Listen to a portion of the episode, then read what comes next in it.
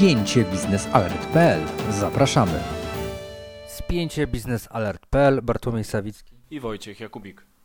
Dzisiejszym tematem naszego y, programu y, będzie zanieczyszczona ropa, e, która przestała już na szczęście płynąć do polskiego i europejskiego systemu przesyłowego ropociągiem Przyjaźń. Przypomnijmy, 24 kwietnia operator systemu przesyłowego ropy naftowej w Polsce. PERN e, na wniosek swoich klientów, a więc spółek naftowych z Polski i Niemiec wstrzymał dostawy e, ropy naftowej po tym jak okazało się, że ropa nie spełnia e, kryteriów jakościowych, a mówiąc precyzyjniej przekraczała ilość dozwolonych chlorków organicznych, które mogłyby uszkodzić podczas przeróbki tejże ropy instalacje w rafineryjne.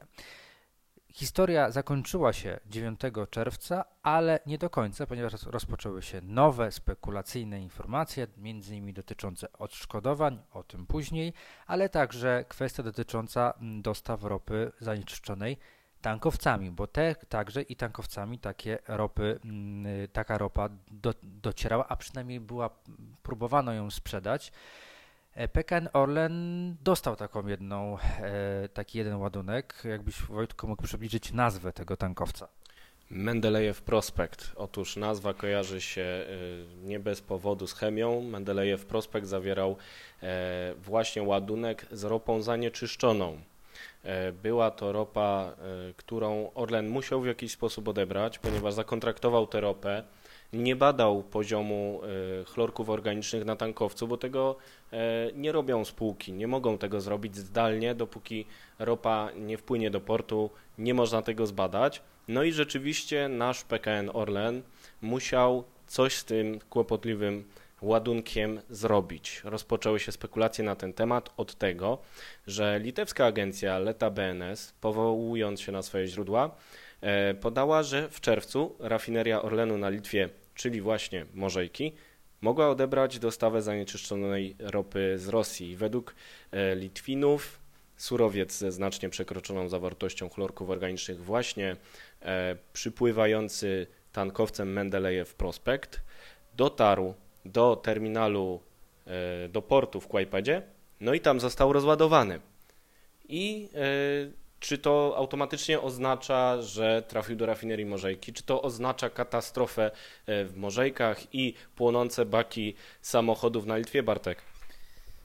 Dementujemy, żadne takie e, sytuacje, do takich sytuacji nie dojdzie, ponieważ ta ropa, owszem, została rozładowana w Kłajpedzie i tam spokojnie czeka w zbiorniku ropa surowa, e, surowa, nawet ta zanieczyszczona, nie podana żadnej obróbce termicznej, nie, nie szkodzi żadnym instalacjom, żadnym instalacjom magazynowym i do czasu, kiedy ta ropa nie zostanie dostarczona koleją w kierunku rafinerii w Morzejkach i nie zostanie, i to jest bardzo istotne, wymieszana, rozcieńczona z inną dobrą ropą jakościowo pochodzącą z terminalu z Butyngi, do czasu, dopóty ona nie trafi do samych instalacji rafineryjnych przed wejściem, mówiąc kolokwialnie, na teren rafinerii zostanie ona rozcieńczona, ta brudna ropa, z tą czystą, tak aby spełniała ona wszystkie kryteria jakościowe, popularnie lub technicznie y, tak zwanymi normami GOST, a więc y, mm, ta ilość tych chlorków organicznych będzie spełniała tą jakość i nie zaszkodzi ona wówczas instalacjom e, rafineryjnym. Możemy tutaj Wojtku chyba rozdzielić co innego dostarczenie zanieczyszczonej ropy do terminalu, y, przepraszam, do portu w Kłajpedzie i magazynowanie, a co innego obróbka już na terminalu. A zatem mamy do czynienia z pewnym nadużyciem, no bo agencja litewska słusznie informuje, że ten ładunek dotarł na Litwę, ale nie dotarł do instalacji rafineryjnych i to jest różnica. Nie zagroził w ten sposób e, rafinerii i alarmistyczne tony są na pewno niewskazane. E, Business Alert poprosił o komentarz biuro prasowe Orlenu i Orlen kategorycznie komentował, że nie jest prawdą, że do rafinerii w Morzejkach trafiła zanieczyszczona ropa. Zapewniamy, że ropa przerabiana w Morzejkach odpowiada normie GOST i spełnia wymagania jakościowe. I e, ten komentarz e, może trochę uspokoić, natomiast niepokoi fakt, że te spekulacje pojawiły się w przeddzień konferencji wynikowej Orlenu. Akurat, akurat dzień przed tą konferencją wynikową mamy takie przecieki, które pojawiły się także e, w Reutersie. E, warto podkreślić, że na konferencji, na której e, Bartek, z którym rozmawiamy, e, był, Zbigniew Leszczyński, członek zarządu PKN Orlen, zapewnił, że ta ropa właśnie z Mendelejew Prospekt będzie przerabiana w rafinerii Morzejkach, ale właśnie dopiero po tym, jak zostanie wymieszana.